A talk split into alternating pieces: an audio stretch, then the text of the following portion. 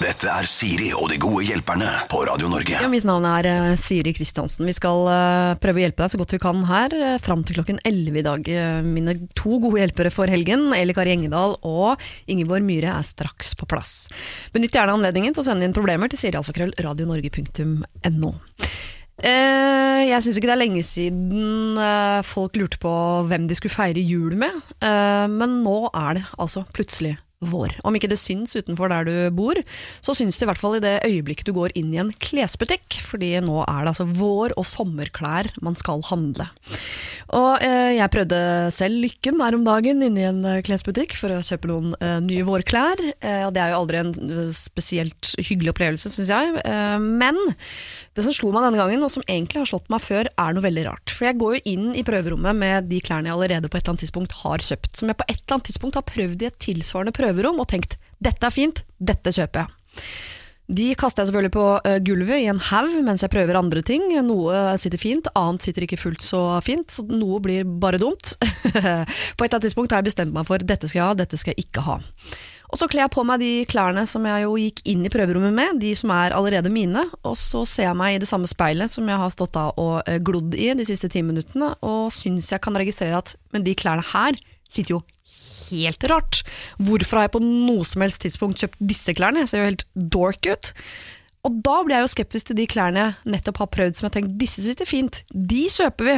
For hvilken, eh, hvilken mulighet har jeg til å vite om det faktisk stemmer, når jeg allerede har kjøpt klær jeg har syntes var fine, men som plutselig nå ikke er fine lenger? Så mye forandrer man seg vel ikke fra gang til gang når man går inn i et prøverom. Nå har jeg mistet troa fullstendig på egen dømmekraft, og er i stuss over hva jeg skal ha på meg nå de neste månedene. Jeg synes at overgangen fra ullgenser og olabukse til eh, shorts og T-skjorte i år kanskje er enda verre enn ellers. Men jeg skal ikke sutre, jeg vet det finnes vanskeligere ting der ute. Ting eh, du kanskje sliter med, ting som er vanskelig, og det er de tingene vi skal ta tak i i dag. I dag og i morgen, i to timer til ende altså, skal værmelder Eli Kari Engedal, lottovertinne Ingeborg Myhre og jeg prøve å hjelpe deg så godt vi kan. Så eh, fortsett å sende inn til sirialfakrøll radionorge.no. Siri og de gode hjelperne. Du hører på Siri og de gode hjelperne her på Radio Norge, hvor eh, jeg er så heldig denne helgen å ha med meg da værmelder Eli Kari Engedal og lottoprogramleder Ingeborg Myhre. God dag. Hei. Hallo, hallo. Hei. Eh, Er det riktig å si værmelder, forresten, eller skal jeg si meteorolog? Nei, du kan få lov å si værmelder, for det er jo det jeg driver med. Jeg er jo en slags Tobias i tårnet og melder været, så eh, det går fint. Det går fint. Har dere hatt en fin påske? Kjempefin påske. Jeg var så heldig å bli blitt invitert opp til Eli Kari på Geilo. Så jeg Ja. slepte med meg barna opp dit, og hadde noen superfine dager der. Sto på ski og badet og Badet. Ja, jeg har badet i bassenget. Ja, Oh, ja. ja, på Dr. Holms. Ja. Utendørs boblebad. Og så Ja, er jo eh. Ingeborg og meg kjempeflinke til å multitaske. Mhm. og, så vi jobber jo litt òg, for vi eh, jobber jo litt med podkasten vår som heter Elle Kari og Ingeborg, og det var veldig gøy oppe i snøen. Men tok dere opp uh, eh, på Geilo? Har du studio på Geilo?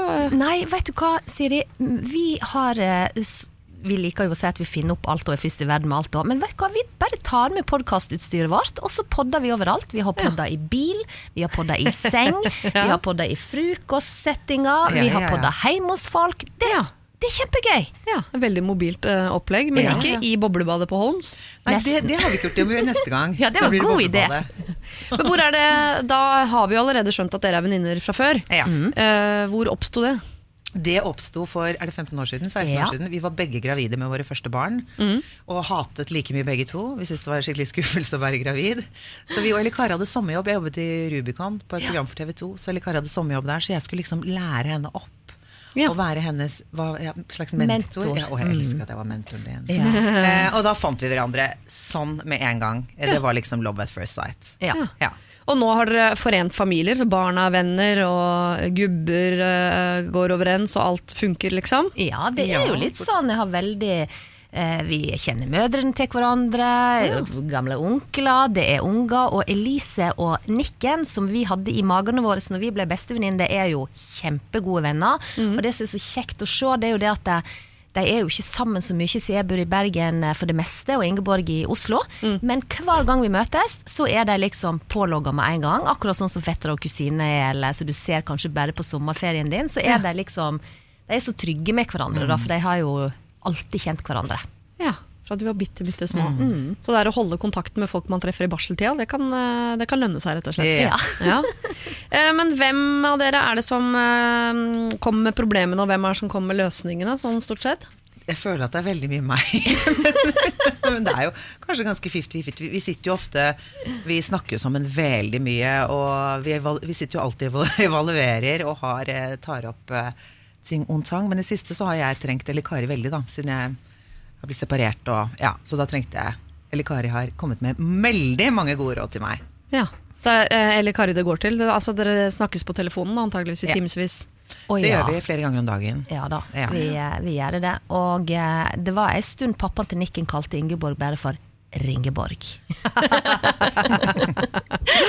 Så bra. Men du har noen gode råd du også, Ingeborg? Jeg håper det. Har Ja, jeg, det Ingeborg Ja. har alltid veldig mange gode råd, og veldig flink å booste. Veldig flink å Hvis du f.eks. er i gang med et prosjekt eller du skal gjøre et eller annet som du er usikker på, eh, så kan Ingeborg kjapt lande. Jepp, det gjør du. Og når du først liksom har bestemt deg, så er Ingeborg verdens beste booster og heiagjeng. Det er fantastisk. Å, Så takk, bra. Kari.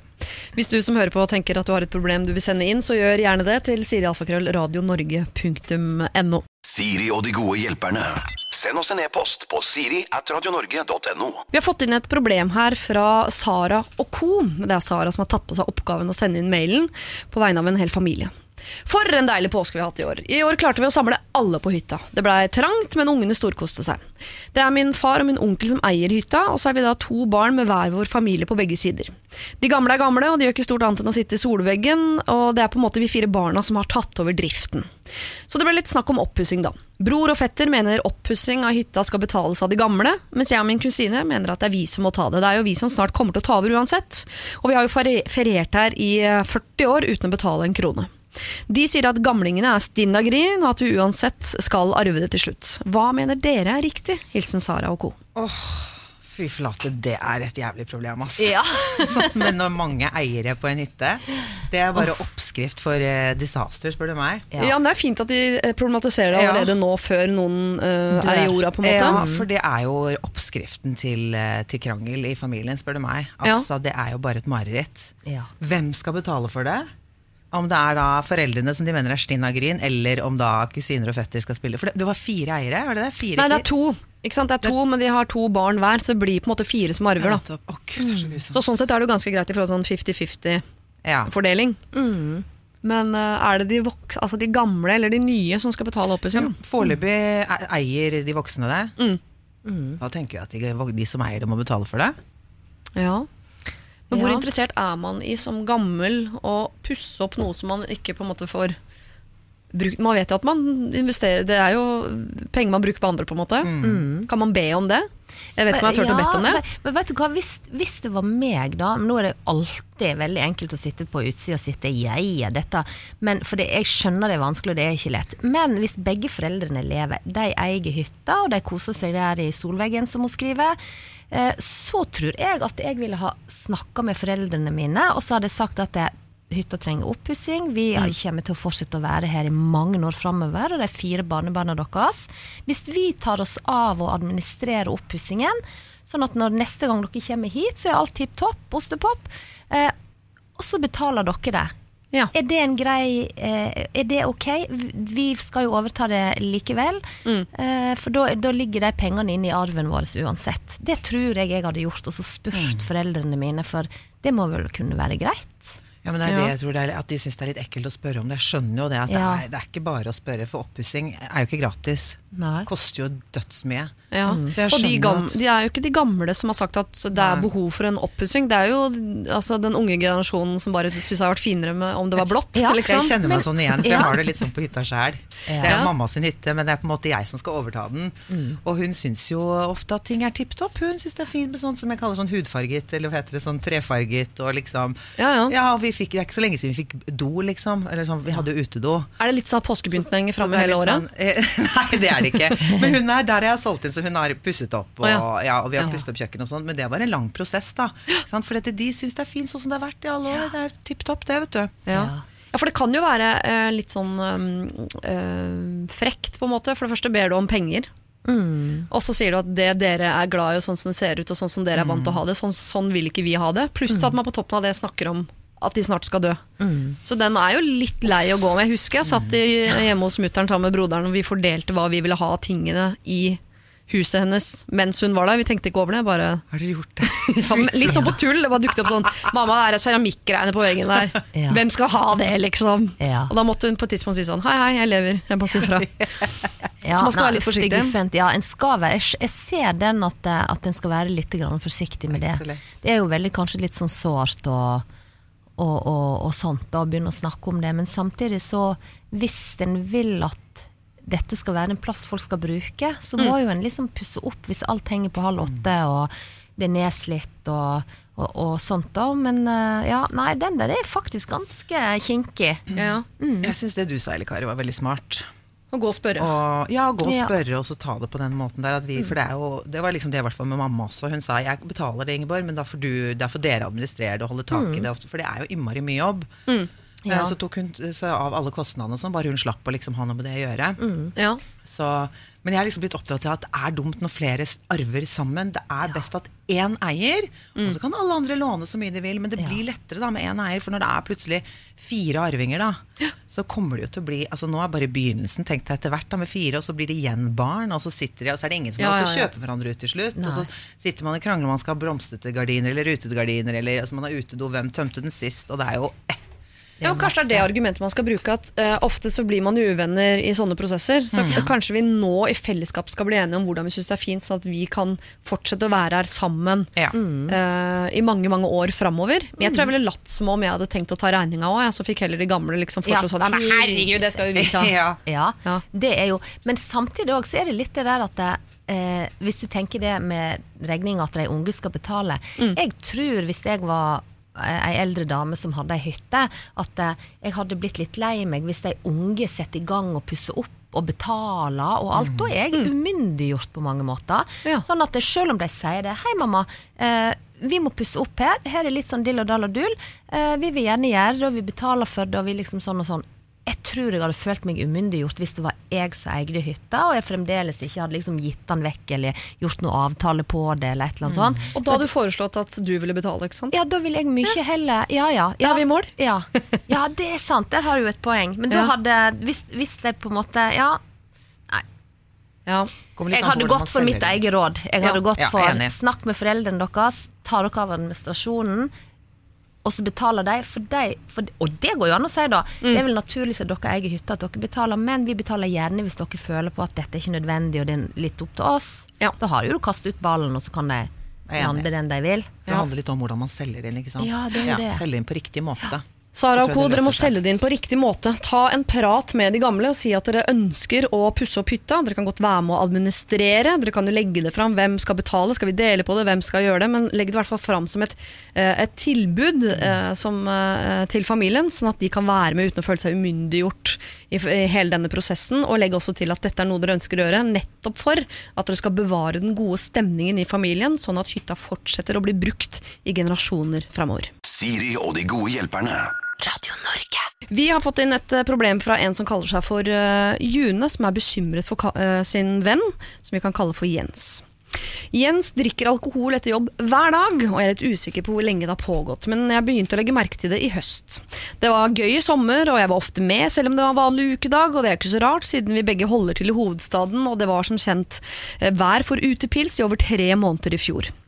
Eh, høsten kom, og jeg gjorde som enhver annen Oslo-borger med respekt for seg selv. Jeg krøyp inn i leiligheten min og holdt meg her siden. Med unntak av et par turer ut i butikken. Planen er å krype ut igjen etter påske. Jens derimot, han er jevnlig ute og drikker i ukedagene. Og hvis han ikke er ute og drikker, så drikker han hjemme alene. Og dette vet jeg, fordi han er en aktiv snapper som mer eller mindre daglig sender bilde av halvliteren eller vinflaska.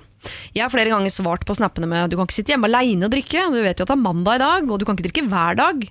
Men svarene jeg får tilbake varierer over jo da, jeg kan eh, drikke når jeg har så uflaks med jenter, eller he-he, jeg veit.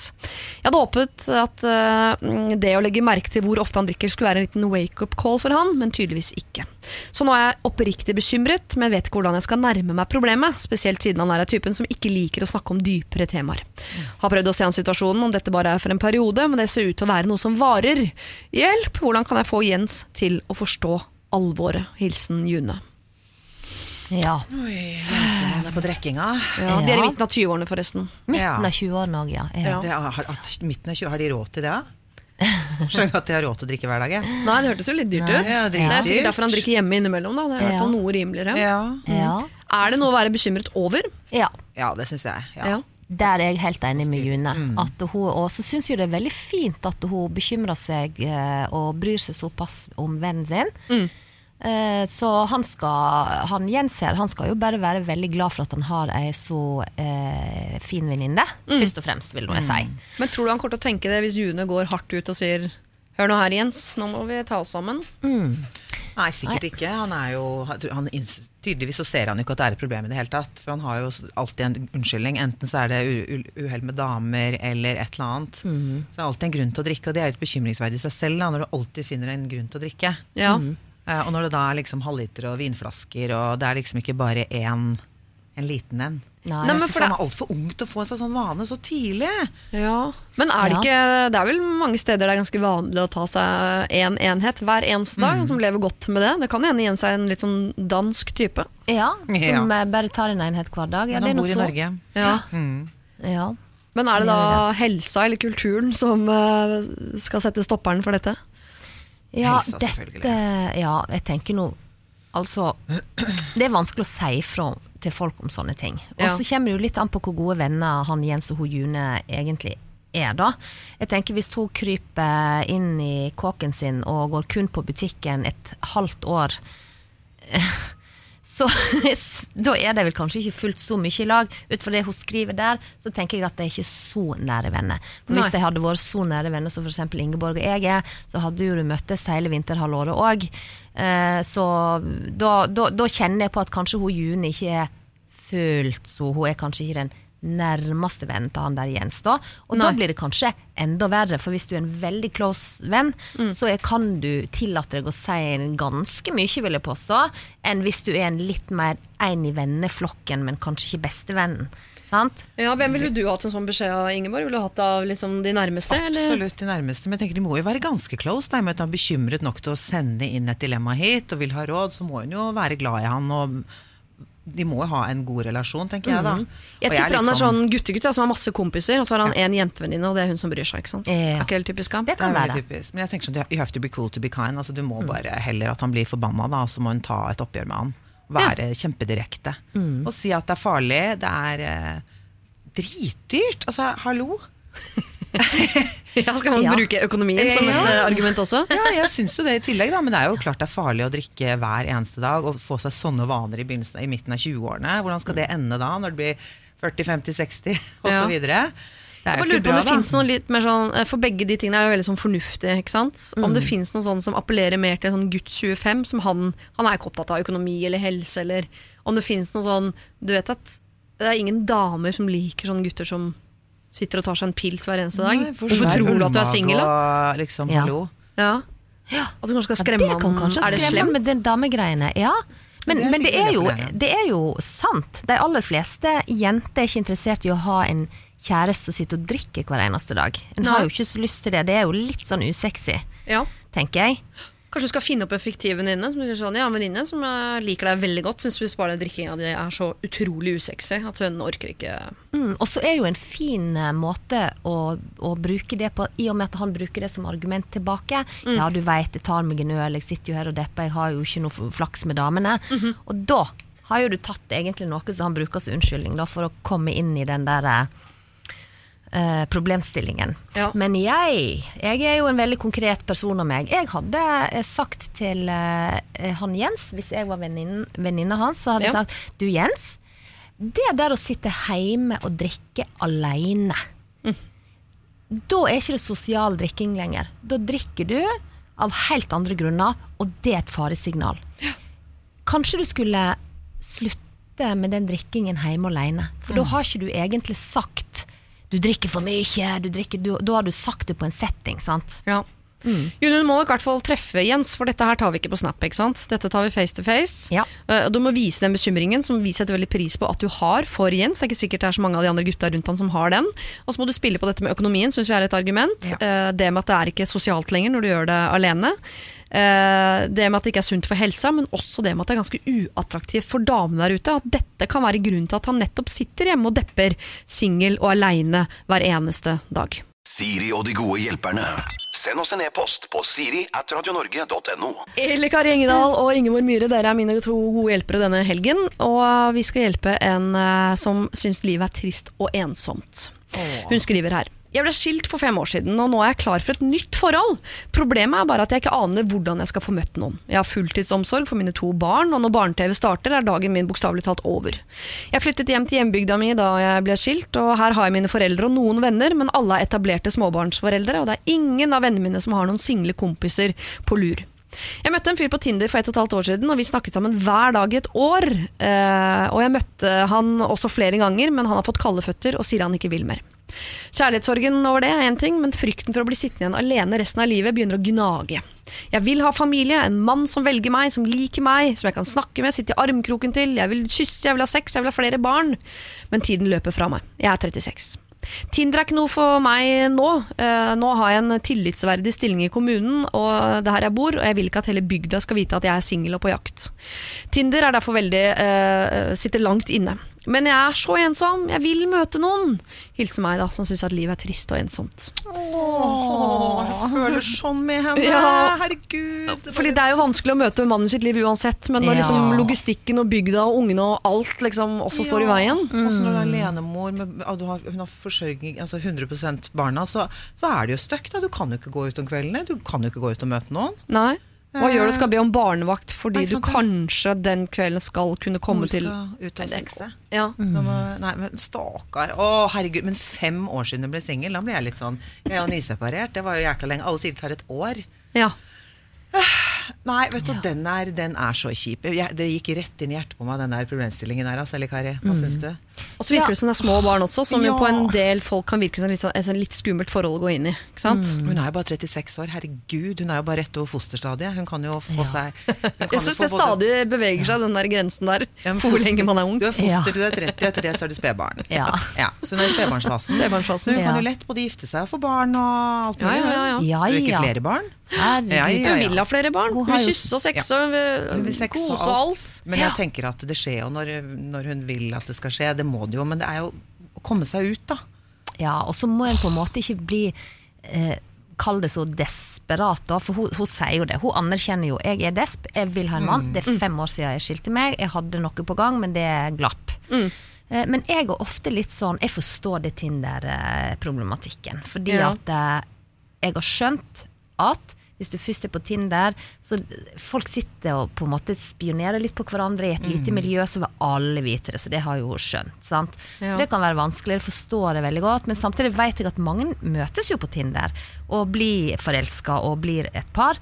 Men Eh, hvorfor skal det være så flaut å være singel og på jakt og på Tinder? da? Er ikke det en helt fair sak å stå for? Da?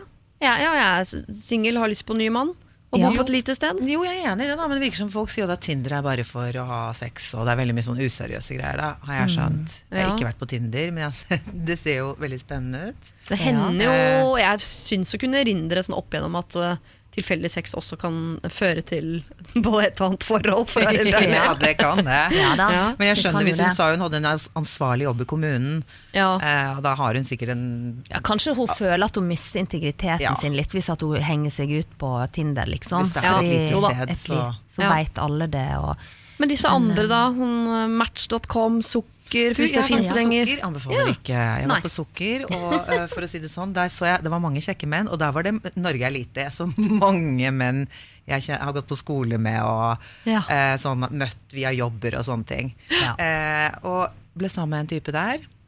Anbefales ikke. Jeg sier ikke noe mer. Nei, men Er det sukker sin skyld, eller er det han typen? liksom? Nei, det var jo veldig spennende akkurat der og da var det spennende. Ja. Eh, Jeg fikk jo masse hits og likes, og du blir jo helt gira. Jeg satt jo oppe hele natten lang, for det var jo dødsspennende. Ja, ja. Sitter jo og råflørter, og så jeg skjønner hun sa hun hadde, på hun hadde snakket med en mann i ett og et halvt år, var det det hun sa? ja, Og truffet ham flere ganger. Og truffet han flere ganger, men det ble ikke noe mer. Nå har fått kalde føtter. Ja, Men det er én fyr, da. ikke sant? Ja. Selvfølgelig, Du skal gjennom 19 kalde føtter før det kommer en fyr med varme hender. Altså, Ja. Du skal jo det. Men jeg tenker det. Ofte så er det litt slik at du må la flaksen komme til deg. Og hvis du skal la flaksen komme til deg, så må du oppsøke plasser der du kan få flaks. Dette går jo som hånd i hanske. Og da tenker jeg at eh, jeg forstår jo det, hun er jo litt bunden sant, med disse ungene og sånn og sånn, men kunne hun f.eks. ikke fått foreldrene sine, hun bor i samme bygda, de er helt sikkert snille, eh, eh, passe disse to eh, barna ei helg, og så kunne hun reist en plass der hun kan oppsøke arenaer hvor hun kan treffe menn, da. Og det er Ja. Sånn singelturer og sånn? Er Ja, nei, ikke, nei, uff, det Eller venninne som litt- bor i en litt større by. Sånn. Hun har sikkert en venninne på Gjøvik, ikke sant? Nettopp. Sant, at hun har Gjøvik er bekjent verdens navle. Ja, Gjøvik er verdens navle. Men at hun kan reise og besøke noen og gå ut og gå på fest og gå det, Helt sikkert noen hun kjenner i Oslo eller Bergen. At hun, ja, at hun rett og slett kan eh, oppsøke en eller annen arena. Og nå tenker jeg ikke singeltreff eller noe sånt, Nei. men at det er ut, eh, ut og lufte seg litt fra denne bygda. Det har hun sikkert godt eh, av å gjøre på mange måter. Få Ja. fri fra ungene òg, og ikke føle seg så veldig uh, eh, trapped i det. Og så kan hun treffe noen. Ja. Ja. Men var ikke det litt av problemet, da? At alle vennene hadde kjærester, og ikke at hun ikke hadde så mange venninner? Jo, i hjembygda, men jeg tenker at hun har jo flytta hjem nå. eh, Eller for fem år siden. Da. da må hun ha bodd et annet sted hvor hun kjenner noen. Det gjør jo ikke noe man har en kjæreste som bor ganske langt unna i starten. For man Nei. har uansett ikke tid til å treffe noen sånn veldig ofte uansett. Jeg Nei. tenker at å ha en langdistansekjæreste lang er oppskriften til suksess. For jeg tenker Med en gang du får barnet sammen, så smeller hverdagen så hardt i ræva di. Mm. Da blir det liksom Du går da fra liksom, klining og ha det skikkelig fint til å Ja, eh, hverdagen kommer Ja. veldig raskt. Jeg snakker av erfaring. Ja, ja, ja. Ja. Eh, og Eli Kari har jo langdistanseforhold, funker som bare det. ja. Vet du hva, Da føler jeg at vi har den der. Det er så nærme vi kommer en fasit eh, til deg som syns at livet er trist og ensomt. Du må oppsøke venninner på andre steder, ta deg en frihelg, ha det gøy sammen med de, og være litt åpen, litt på, gå ut, se hvem du treffer. Og kanskje du får et langdistanseforhold, for det sitter det en her som er vant til å spå fint vær, og en som er vant til å dele ut millioner, som mener at det kan være oppskriften på et eh, liv som ikke er trist og ensomt. Siri og de gode hjelperne. Dere, Vi skal til en periode i livet som eh, alle som har barn må gjennom, men foreløpig har jeg for små barn. Eh, Mine er da ni og syv. Eh, Eller Kari, du har en på 13. Og Ingeborg, du har 13 og 7. Ja. Så dette programmet er litt prematurt, men vi prøver allikevel. For her kommer det. Jeg er far til en gutt som er russ i år, og han skal uh, ha med seg absolutt alt. Han har gledet seg i mange år, han har planlagt med guttegjengen siden de begynte på videregående, og de var tidlig ute med å kjøpe buss osv. Det eneste han ikke hadde planlagt uh, så godt, det er økonomien. Alle sparepengene fra konfirmasjonen og videre er brukt opp. Han har fått og brukt opp penger fra besteforeldre. Han har lånt penger til buss av meg, som vi visstnok skal få igjen når denne selges videre. Noe har de jobbet inn på dugnad, men russetiden har så vidt begynt, og allerede nå maser han om mer penger. Og jeg er jo enig i at hele greia er jo bortkasta om han ikke får vært med på selve festen fordi han har blakka seg eh, i perioden før. Men samtidig syns jeg det er vanskelig å bare skulle gi ham penger så han kan fylle seg bort eh, i disse to månedene hvor han egentlig skulle gått på skole. Det er fristende å gi han en lærepenge. Har du ikke jobb, så har du ikke penger. Men er det nå jeg skal det? Hilsen bekymret far. Kall meg Fredrik. Å, Fredrik, Fredrik, Fredrik! Vet du hva, jeg føler altså sånn med deg. Ja. Jeg har nettopp hatt to russegutter nede som jeg eh, hyra inn for å eh, male stakittgjerdet mitt utenfor huset. Mhm. Disse to søte, naive tusseladderne trodde jo det skulle ta to timer, men det tok jo fire ettermiddager og kvelder. Ja. Så jeg måtte jo gi dem litt ekstra penger, for det, for jeg syns jo så synd i dem. Men eh, dette er virkelig et dilemma, tenker jeg. Ja, ja. Det er jo Du har jo bare lyst til å gi deg den lærepengen. Mm. Jeg hører jo Han høres helt ut som meg når jeg var russ. Jeg altså bare brenner av alle pengene der og da, leve i nuet. Og ikke planlegge så veldig godt. Det handler jo litt om ungdommens litt sånn naive innstilling til ting. Alt ordner seg og, og dill og dall. Men jeg tenker sånn at det, det er ikke nå, noen dager før 1. mai, at fatter skal sette inn nådestøtet på sønn, tenker jeg. Nei, for det høres ut som selv om du ikke fikk den lærepengen da du var russ, så har det jo gått veldig bra. Det har gått kjempefint. Men jeg tenker kanskje må vi snakke litt mer om det, for her er veldig mange falsetter ved dette her eh, spørsmålet hans. Ja. Men, men kan han ikke bare låne han de pengene, sånn som han har gjort med russebussen? At han sier at ok, kjære venn, nå er det russetid. I utgangspunktet så burde ikke du ha fått ei krone, for du har ikke vært smart. Du har ikke spart. Mange sparer jo i tre år til russetida, det har du rett og slett ikke gjort. Eh, men jeg ønsker at du skal få ei kjekk russetid, du skal være med, det er det gjelder, akkurat sånn som han skriver. Men pengene får du ikke. De blir skrevet ned i regnskap, Ja. og skal betales tilbake igjen på et gitt tidspunkt. Ja, Da må man ha en plan, for jeg vet ikke hvor mange ganger jeg har lånt penger som vi bare glemmer sånn på sikt. Som forsvinner inn i forskudd på arv osv. Ja. Det er sant. Ja. Har du begynt å tenke på russetida allerede, Ingeborg? Eh, Jeg har tenkt mye på det. Jeg gruer meg noe innmari. Har, vi har noen fostre på jobb som er, eh, som er eh, russ. Og det er det at det er så, så når man snakker om de pengene, det er så sjukt mye penger. Altså Ja, ja. Disse kidsa bruker jo sånn type flere hundre tusen kroner på en buss som liksom ikke burde vært EU-godkjent engang. Den er sånn type sånn 40 år gammel. Og så kjøper de den for 600 000 og sånt. Altså Det er helt vilt. Det er ikke sånn som da vi var russ, hvor vi liksom kjøpte en buss til 40 000, og så Mm. fikk vi noen tusenlapper her og der av foreldre og sånn. Nå er det jo snakk om big business. Ja, ja, ja, ja. Så jeg, men jeg har sånn dobbeltmoral her, da. Fordi at jeg hadde russetiden. Jeg elsket russetiden min. Jeg hadde det så gøy og gjorde alt. Altså, ja, jeg hadde det dødsgøy! Så den Men, siden av deg under sønnen til Fredrik? ja, og... men så kjenner jeg jo sånn i forhold til Jeg gruer meg til datteren min eh, på 13 når hun blir russ. For jeg tenker jeg har allerede sagt til henne at eh, Nei, du skal ikke bli russ, eller så blir du sånn bibelruss. Altså, for nå er det jo så jævlig mye eh, styr, og det skjer jo så mye rart, og det der med penger og sånn. ja. Så den der er så vanskelig. Men jeg er enig, for jeg, det er jo ikke foreldrene som skal være med å betale det tidlig. For jeg, altså, jeg vil slite med å betale for at min sønn og min datter skal Mm. fylle seg bort, selv om jeg vet at det skjer og alt det der. Men, uh, så jeg, jeg er enig i at da må de i så fall sette opp en eller annen plan for at Mm. dette skal tilbakebetales. Men kan vi gjøre det Jeg er frista til å gjøre det enda litt vanskeligere. Liksom. At enten noe sånn som eh, hvis du får, klarer å få gode karakterer, så tar jeg bort noen av pengene du, Da blir Ja, noen av pengene du har idé. lånt, det, det blir plutselig penger du har fått. Ja. Eller en del av de arbeidsoppgavene må du begynne på allerede nå. Så den rullinga på onsdag, det får ikke du til, for da skal du eh, gnage deg gjennom stakittet til naboen. Jeg vet ikke. Sette opp en arbeidsoppgave på det. Ja. Et eller annet som bare svir litt mer, Ja, at det det bare blir sånn fast cash, liksom. Her, lån, betal tilbake seinere. Liksom det Ja. at han har brukt alle komf-pengene sine på russetiden, det er jo, bare, det er jo kjempedumt. Han kommer ikke- jo til å angre på det. Ja. Altså Jeg skal låse inn datteren min. Ja, hun ja. Ja. ja. Ned i kjelleren. Uff, jeg skal sende på fiskebåt, jeg tror. I to Ja. måneder. Ja. Det er, det er svaret. Ja. Kom hjem når du har lært deg å pille reker ordentlig. Nei, Det er et kjempedilemma, men jeg Ja. syns Nei, men- du er inne på noe der, Siri. Det der med at uh, hvis du får sånn og sånn karakterer og gjør det og det og det, Ja. så kommer vi frem til en avtale. Det nytter på en måte ikke å, nekte de heller, for han kommer jo til å gjøre det uansett. Ja, fordi hva er, eh, hva, er, eh, hva er det som skjer hvis han ikke låner han de pengene? Det er ikke sånn at han setter seg ned og bare Nei, da ble det ikke noe mer rustig. Da låner han de av noen andre. det, Eller ja. man vet jo ikke hva Så gjør han brekk da på Narvesen for å skaffe Altså Ja, det er jo det, sant, at du da, da, Ja, nei, det blir veldig, veldig vanskelig hvis han ikke liksom har penger nok til å, å få være med sånn ordentlig, da. Ja. Men um, Han har pynta seg til ball, og så får han ikke gått på ballet, for han har ikke råd til taxi, det liksom. Det går Ja. Ja. De lever jo for det. det er, mange går jo på videregående kun for å få med seg russetiden. Ja. Det er så trist å tenke Ja, det på. er så trist. Ja. Og de snakker om det liksom da de begynner. Ja. ja. Og husk jo selv når du er 18 år sånn, du tror jo at du er så verdensvant og kan alt og vet Ja, alt, ja, ja. men du har jo ikke peiling på en dritt. Nei da, det det. Og så har jo jeg skjønt at det å snakke med tenåringsbarna sine, russ eller ikke russ, det er nesten som å snakke for døve ører, altså. For veldig mange. Ja. Men det som jeg, jeg las en sånn her eh, ungdomspsykolog som hadde laget et sånt innlegg om hvordan skal du liksom få barna dine på rett spor hvis de er liksom helt sånn oh, totalt ubrukelige. Det, det nytter ikke å snakke og si ting om og om igjen. Du må handle.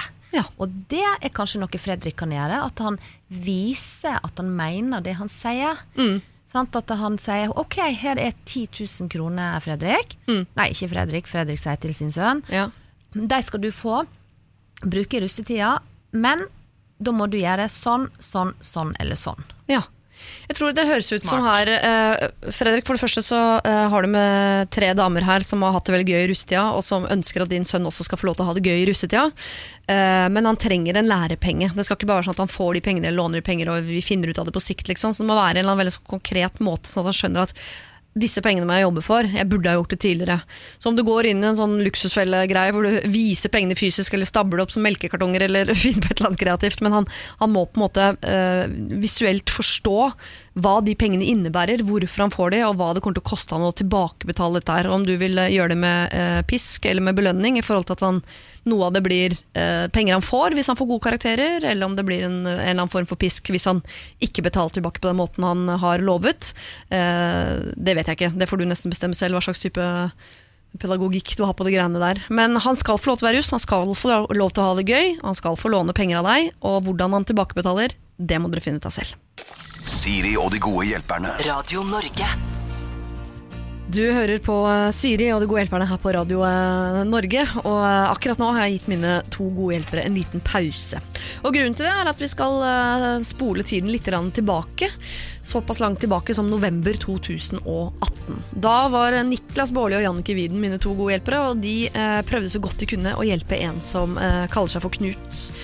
Knut eh, hadde altså en smørje av et liv. Han hadde en eh, kone som han hadde et meget turbulent forhold til. Hun hadde i flere år gått bak hans rygg med en eh, bekjent av de to, eh, med en nabo. Altså mye utroskap her, og mye eh, inn og ut og fram og tilbake, og det var mye krangling, skjønte jeg, og han eh, lot henne bo hjemme, og det var for, eh, altså, hensyn til barna, og i det hele tatt. Her var det mange hensyn å ta.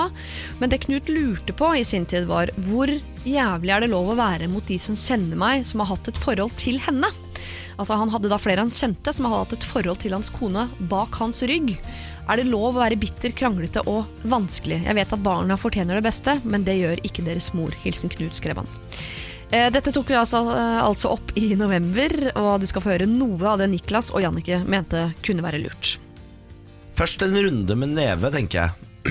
Ja, du syns han skal ut i vold. Ja, men altså når det er kompiser, så mener jeg da er det lov til Altså, Jeg mener at man skal ikke Man skal ikke, man skal ikke knekke neser og kinnbein og sånn, men en, en, eh, liten eh, tumult, det har lov til her.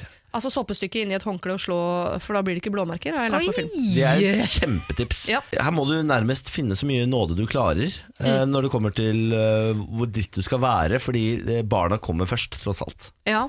Eh, Det var fint sagt av en som hater barn. ja, takk. Jeg syns Eh, han, skilsmissebarn, veldig- ja, Ja. jeg synes han har vært veldig tilgivende og, og flink så langt. Han har jo egentlig stilt opp mer enn man kan forvente av mange. Mye mer. Hun Ja. burde vært ute av det huset for lengst. Ja. Altså, Hun har vel en mor eller et eller annet hun kan bo hos, noe slugg. Hun har jo en kompis av hun kan bo hos. Prøvde jo å bo hos han kompisen en stund. Ja. Ja, nei, altså, Men du har ikke noe ansvar for å ta den tilbake inn i huset, i hvert fall. Han kan holde en kald, men avvisende eh, Altså profesjonell. profesjonell eh, eh, forhold. Kall det familiebedriften Knut AS. Den må videre. Barna skal ikke få vite hva mora holder på med, og at mora har ligget med onkel Arne og, og tante Vivi. Og, ikke sant? Det skal alle barn få vite.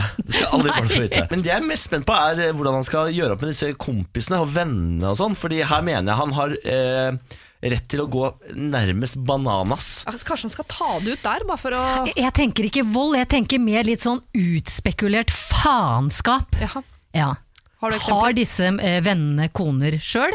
De burde definitivt få Ligges med? vite om eh, Nei, ikke ligges med. Nei. Nei, fordi jeg tror ikke de er attraktive. Ja, men jeg hadde ligget med deg likevel. jeg. Hadde du det? Ja, ja, ja. Her, Ja. her, her har det vært tra trassknulling over en lav sko. Å, det er altså stygt ord å bruke! Dette var noe av det Niklas Baarli og Jannicke Widen mente kunne være lurt at Knut eh, gjorde fremover. Hvis du vil høre hele, så må laste ned podkast fra 24. og 25. november 2018. 4.4.2019 så får vi en ny mail fra Knut, eh, hvor han oppdaterer oss på at eh, mor har flyttet ut, fått seg ny kjæreste. En kjæreste hun hadde mm, kontakt med før det ble slutt mellom dem, faktisk, og som er bekjent og en venn av to av de hun hadde et forhold til bak hans rygg. Eh, Jeg har bestemt meg for at jeg ikke ønsker å ha noe med hennes liv å gjøre på en god stund, så jeg har fjernet alt som er av felles venner i sosiale medier osv., som gjør at hun kan dukke opp i min hverdag. Kommuniserer kun praktisk, eh, og hva hennes utroskapspartner angår, så bor jo han ene langt nok unna til at han ser jeg ikke noe særlig, og den andre, som er min nærmeste nabo, tenker jeg han skal få gjengjelde når han en gang med årene får seg sin egen kjæreste eller samboer. Da vil det være en ypperlig anledning for meg til å servere en vittig kommentar om at vi kanskje burde ligge sammen, siden hennes kjæreste jo lå med min kone. Etter ti år med samliv, barn, ekteskap og alt det fører med seg, så rykker jeg nå noen skritt tilbake i jakten på et A4-liv. Det blir vel aldri det igjen. Men jeg er veldig glad for at kapitlet med mor til mine barn er over emosjonelt, så nå kan jeg svinse rundt noe jeg allerede er i gang med. Jippi! Knut er blidere enn da vi ble kjent med han for eh, snart et år siden. eh, eller i hvert fall et halvt år siden, og det er vi jo glad for. Og så får vi håpe at eh, du klarer å legge fra deg hevnmotivene, sånn at du kan være helt fri for de greiene der. Og bare vandre videre i livet ditt med barna dine og alle de tingene som jo faktisk er bra. Siri og de gode hjelperne. Radio Norge. Og med meg eh, denne helgen så har jeg da eh, Eli Kari Engedal, som er eh, værmelder, meteorolog, og Ingeborg Myhre, som er altså da lottoprogramleder på NRK. Eh, og dere er jo potensielt overbringere av gode nyheter begge to. Fint vær, mye penger. Eh, men, og dette har i hvert fall helt sikkert du fått spørsmål om mange ganger, Ingeborg. Hvis dere fikk, eller vant da i Lotto, la oss si dere vant i Lotto. Ikke en million, sånn som vi sa i gamle dager, for det får du jo ingenting for. Men en milliard. Oi. Hva ville dere brukt det på? Oi, en milliard. Jeg, jeg har fått oi, det spørsmålet hundre ganger. Ja, det vil jeg tro. meg sånn, ja, hva ville du gjort da hvis du vant i Lotto, Ingeberg? Ja, Eh, men en milliard er jo voldsomt, da. ja. Ja, det er masse penger. Altså, ja, da må du jo eh, Da må du jo gi litt tilbake til samfunnet, tenker jeg. Det er så sjukt mye penger. ja. Men først vil jeg tenke på meg selv. ja. ja det er råd til, du har råd til det òg. Jeg, jeg trenger penger. Jeg har et falleferdig hus. Jeg trenger, jeg trenger å pusse opp, jeg trenger nye vinduer. Altså, jeg trenger penger. Ja. Så jeg prøver alltid å, å smiske meg inn på Lottomillionærene for å få meg Nei, jeg bare tuller jeg ikke det. Eh, Sender alltid med telefonnummeret, liksom. med og hvis det er single menn, så er jeg ekstra hyggelig. Nei da. Men eh, nei, da ville jeg puste opp huset. Ja. Så kjøpte meg et, et hus ved sjøen. I tillegg. Ja. Én milliard, det er jo, har jeg fortsatt dødsmye. Jeg er overraska over at du gidder å beholde huset bordet. Eh, Ja, det kan jo gå lett hende at jeg egentlig ikke hadde giddet. Eh, og så hadde jeg ja, Kanskje jeg bare hadde kjøpt meg et stort hus ved sjøen, for det er drømmen min å bo ved sjøen. Da hadde jeg ikke Ja. trengt hytte eller noen ting. Så jeg kjøpt kjøpt meg sjukt dyr veske eller noe sånt noe crazy. Ja. Noe helt vilt sånn jeg aldri hadde hatt råd til. Ever. Det sier jeg alltid til lottomillionærene, for de Ja, ja. er nemlig veldig opptatt av at de ikke skal sløse noe penger. Ja, er herregud, sånn, nei, de er liksom, beina godt plantet på jord, og det kan være folk som har vunnet 80 millioner, liksom. De er veldig Ja, ja. opptatt av at de skal være fornuftige, og, og da sier jeg alltid Kjøp én, gjør én crazy ting, for det handler jo på en måte om å oppfylle drømmer. Ja, ja, ja. Og da må man gjøre noe sånn helt vilt gøy, Mm. Ja. tenker jeg. Når man får den muligheten. Ikke bare sånn 'jeg skal bytte ut salongen, Nei. for den er litt slitt'. Ikke sant. ja, nei, det er litt kjøp en ny- klinke på stortromma. Bruktbil, liksom. Da, Ja. bare, da er det bare go for it. Ja. Du da, Elle Ja. Kari? Og vet du, For det første er det jo ekstremt mye penger, men det er jo noe med det å oppfølge drømmene sine, og det som Ingeborg sa, gi noe tilbake til samfunnet. Men jeg tror jeg ville ha brukt ganske mye penger å opprette et fond, Ja. sånn at det andre folk som drømmer om noe, eh, får muligheten til å oppnå de drømmene. Gjerne penger til forskning. Um, og gründere som har lyst å bygge noe som kan gi arbeid til andre i samfunnet og sånn. Ja. Uh, Så jeg tror kanskje jeg hadde tenkt veldig mye på det, men jeg hadde helt klart opprettet et fond. Og det er jo litt i egoismens uh, verden òg, fordi jeg har alltid drømt om å ha et eget fond. Ja. Uh, men det må være noe samfunnsnyttig dette fondet skal liksom eh, Eller Kari-fondet? Eller Kari-fondet, ja. Der kvinnelige gründere kan søke om eh, til startups. Ja, kvinnelige gründere eller kanskje innvandrere som har masse gode ideer og supermasse kompetanse, men som ikke kommer til i vårt samfunn for de kanskje ikke snakker språk ordentlig eller har en utdannelse fra et annet universitetssystem enn vi har, som får muligheten til å vise hva de er gode for. Du går for fredsprisen, merker jeg. Ja. Det blir i hvert fall en byste et eller annet sted i Bergen sentrum. det må komme en liten byste. Men, men det var nå det samfunnsnyttige, kanskje. Mm, Og så har jeg to eh, drømmer som jeg har lyst til å gjennomføre. Mm. Eh, og det ene er at jeg har lyst til å reise og være turist på Nordpolen. Ja. Eh, og jeg har gjort litt research på det, og funnet ut at det faktisk finnes et ukrainsk reiseselskap som eh, reiser, og det er kun to uker i året du har muligheten til å reise dit. Og du vet? Det, på Nordpolen er det kun én soloppgang i året, og den skulle jeg gjerne ha sett. ja, Så da har jeg nok penger til det hvis jeg vinner en milliard, da. absolutt. Men jeg er òg interessert i å ta meg en tur på månen. Og det har jeg alltid Månen? sagt. Ja. og når du har én milliard, så kan jo jeg kanskje få til et samarbeid med f.eks. Elon Musk. da. Ja. Og så kan han skyte meg opp til månen, og, og, og så kan jeg få suse litt rundt der og ta hadde på månen med, og sånn. for å si det sånn. Da, Eli Kari, deg kjenner vi til eh, månen. Uh, Ingeborg, deg kjenner vi nærmere sjøen i et nydelig hus uh, der. Så håper jeg uh, dere er fornøyde altså, med plasseringene deres. Radio Norge. Vi skal potensielt i et bryllup. Vi er i hvert fall invitert. Sommeren 2018 forlovet en av mine nærmeste og beste venninner seg, som jeg har kjent hele livet. Vi er begge 22 år, og selv har jeg kjæreste, og vi har vært sammen i over et halvt år da de forlovet seg. Da innbydelsen kom, hadde jeg og typen min vært sammen i over et år, men han ble ikke invitert i bryllup, noe jeg syns er rart og sårt. Jeg kjenner ingen som skal komme i bryllupet, unntatt mor, far og søsknene til venninnen min. Jeg har egentlig litt lyst til å droppe bryllupet, siden jeg ikke kjenner noen. Jeg kan jo ikke det, det er en av mine beste venninner. Jeg prøvde å hinte til at jeg ikke kjenner noen, at jeg gjerne vil ha med meg typen i bryllupet, uten at hun har respondert på det. Hva tenker dere at jeg skal gjøre? Skal jeg dra i det bryllupet? Skal jeg bli hjemme?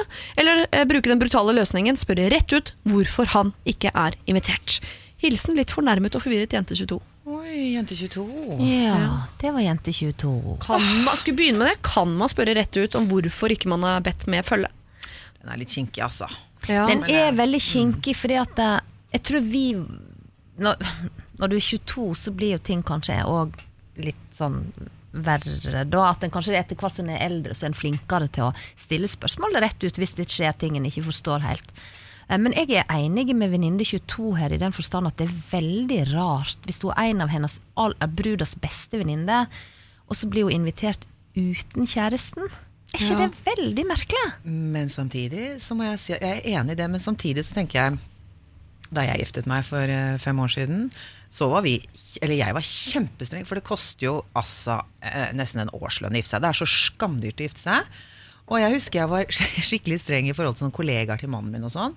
Ja. Eh, og som skulle komme, så sa jeg jeg vil, ha, altså, jeg vil ikke bruke penger på at de har med seg damene sine. Som jeg, jeg, jeg har ikke lyst til å hilse på noen for første gang i mitt eget bryllup og si sånn Hei, Ingeborg, det er hyggelig å møte deg, liksom. Kommer aldri til å ses igjen. Nei, vi kommer aldri. Og så, jeg, så var et par av hans kollegaer som ikke fikk lov til å ta med seg damene sine. Av meg, Jeg var kjempestreng på det. For det koster, koster flere tusen per kuvert. Ja, da vil jeg heller ha flere av mine venninner der. Så, så jeg kjenner meg veldig igjen. Og jeg, kjenner flere som har tatt den samme taktikken. Da, hvor de har vært skikkelig strenge sånn i forhold til hvis man bare er kjærester. Eller forskjell om du dater noen, eller om du bor sammen med noen. Selvfølgelig bor du sammen, eller, er samboer, eller er du gift, eller har barn sammen. Så inviterer du alltid eh, partneren. Men hvis man Jeg bare hører at det er ikke alle som gjør det lenger man- heller. At man rett og slett, De som er invitert, er invitert uten følge. Så hvis det er noen hvor du inviterer begge, så blir, får man hver sin invitasjon. Å ja. Oi! Det var spesielt. Du verden, Men jeg tenker sånn, Hvis du er sammen, så, men så tenker jeg kanskje ikke den andre parten har lyst til å bli med heller. Det er dritkjedelig. Hvis ikke, hvis ikke han kjenner de, så kanskje det er greit at hun går alene. Men i dette tilfellet er det jo ikke det. For hun Hun vil ha vil jo ha med. Og hvis de er bestevenner, så antar jeg jo at bruden og brudgommen også kjenner da hennes partner. Må vi jo tro. Jeg får liksom altså, det vet jeg jo ingenting om, men mitt inntrykk er at de ikke kjenner han. Og jeg tenker at det er det argumentet de har brukt til seg selv. Vi har aldri møtt fyren, liksom. Men da, da skjønner jo jeg brudeparet. da. Jeg støtter jo brudeparet på det. Ja. Men er det da er det likevel lov å, å spørre? Det er lov å spørre. Kan jeg være så snill å få han, lov til å ha han med? Beste, Ja. ja. jeg tenker at Er man nære venner, bestevenner kan spørre hverandre stille hverandre alt, alle spørsmål. tenker jeg. Ja, helt enige. Hun bør spørre Ja. Eh, hvorfor han ikke er invitert. Og du vet, kanskje mye bedre for hun eh, å akseptere det òg, hvis at hun venninna sier vet du hva, vi har måttet sile for at det, det er så dyrt, og vi eh, har liksom telt kuverter her, og funnet ut at jeg, jeg har invitert Trude Luth i stedet for han, for hun er jo venninna mi. For hvis jeg skulle hatt han med, så kunne jeg ikke invitert Trude. Nei. Så derfor så må jeg liksom sile her òg. Men er det ikke litt ok hvis du, Ingeborg, hadde gifta deg og valgt å invitere kun meg, og ikke mannen min, Tom? Så hadde du sagt til meg Eller Kari, vet du hva? Ehm, jeg har ikke invitert Tom denne gangen fordi sånn og sånn og sånn. Så slipper hun i hvert fall å lure, for, for hun føler seg jo litt såra. Mm. Og så tenker jeg det at hun ikke kjenner noen særlig av de andre gjestene i bryllupet, det ser ikke jeg på som et problem. sånn er det. Det er bare tull. Sånn er det innimellom, og det må vi bare akseptere. Hun er der for venninna si, ferdig snakka. Mm. Men det der at det ikke hun venninna kanskje ikke kommer med en forklaring, da, og i hvert fall hvis de har vært i lag et år. Mm. Hun sier jo det. De hadde vært sammen et halvt år når de ble forlova, Mm. og så gifta de seg et halvt år etterpå. Ergo, hun har vært kjæreste med samme duden i et år. Mm. Og da syns jeg hun fortjener en, en forklaring på hvorfor han ikke får være med i bryllupet, da. Ja. Men jeg lurer på om jeg ikke ville ha spurt om en sånn anklagende sånn ne, Nei. vet du hva, Nå må du nesten forklare meg hvorfor ikke han er invitert. Jeg tror jeg spurt sånn, vet du hva Jeg eh, regner med at dere har liksom Det er dyrt å gifte seg, antageligvis har dere ikke hatt råd til å invitere alle og sånn, men jeg skulle veldig gjerne hatt med kjæresten min, så hvis det dukker opp en mulighet eller en anledning til at han kan være med, kan du ikke si fra til meg?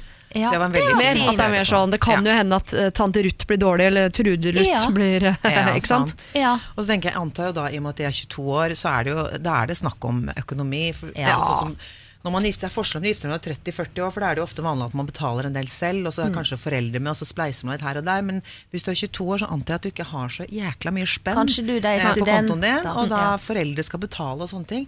Det er så dyrt, og da går det jo på det at vi må skrelle vekk helt i beinet her. Eh, hvem prioriterer vi, hvem prioriterer ikke? Da blir det de vi kjenner og er glad i. Punktum. Ja. Ja. Sånn som jeg. Ikke lyst til å hilse på han første gang i bryllupet. Nei. Ja, Men jeg nei er enig, det er en helt greit. Fin måte å spørre om det på, Ja. rett og slett. Si det pakker inn på den måten der. Ja. Ja, absolutt.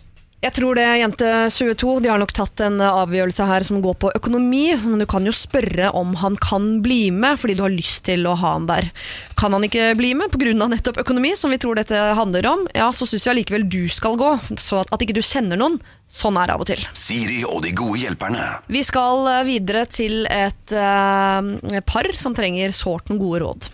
Vi er et par i begynnelsen av 20-åra som nylig har kjøpt oss et hus i et eldre nabolag, og det er et nokså koselig nabomiljø. Og vårt hus eh, har tidligere vært samlingspunktet om sommeren, da dette huset har svømmebasseng. Denne sommeren skal vi få vårt første barn, noe vi gleder oss veldig til, og det gjør også naboene. De har planlagt hele sommerferien hjemme. Vi er veldig glad for endelig å bli tatt imot i nabolaget, men vi hadde vel sett fram til en sommer med besøk av våre venner og vår familie, og ikke minst bli kjent med dette nye familiemedlemmet. Naboene derimot forteller stadig at de gleder seg, og vi bare jatter med. Men hvordan kan man unngå å være kjip og utakknemlig overfor naboene, eller er vi kjipe og bør ha et eh, åpent hus hele sommeren? Hjelp! Til info, vi har gjort en god innsats for å klare å komme oss inn i dette sammensatte nabolaget. Hilsen Ole og Karina. Altså, de skriver ikke alt her. Nei, altså, de har et basseng. Uh, der uh, kommer folk og bader hele sommeren. er Stalker alltid- de som har basseng. Ja, Buhu! masse.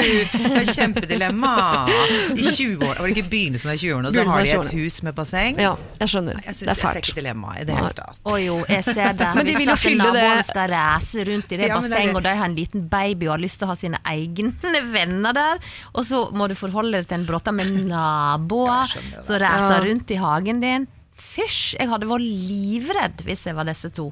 Jeg Ja. var livredd for sommeren. Og så er det sånn, du får en baby, og, det, og du skal bli kjent med dette, og du er veldig usikker og sårbar på alt, og Ja. masse hormoner som surrer rundt, og så skal plutselig han der Kåre og hun der Trine Lise sitte og jokkmokke seg rundt bassenget ditt. Ja, nei. Nei, jeg er livredd.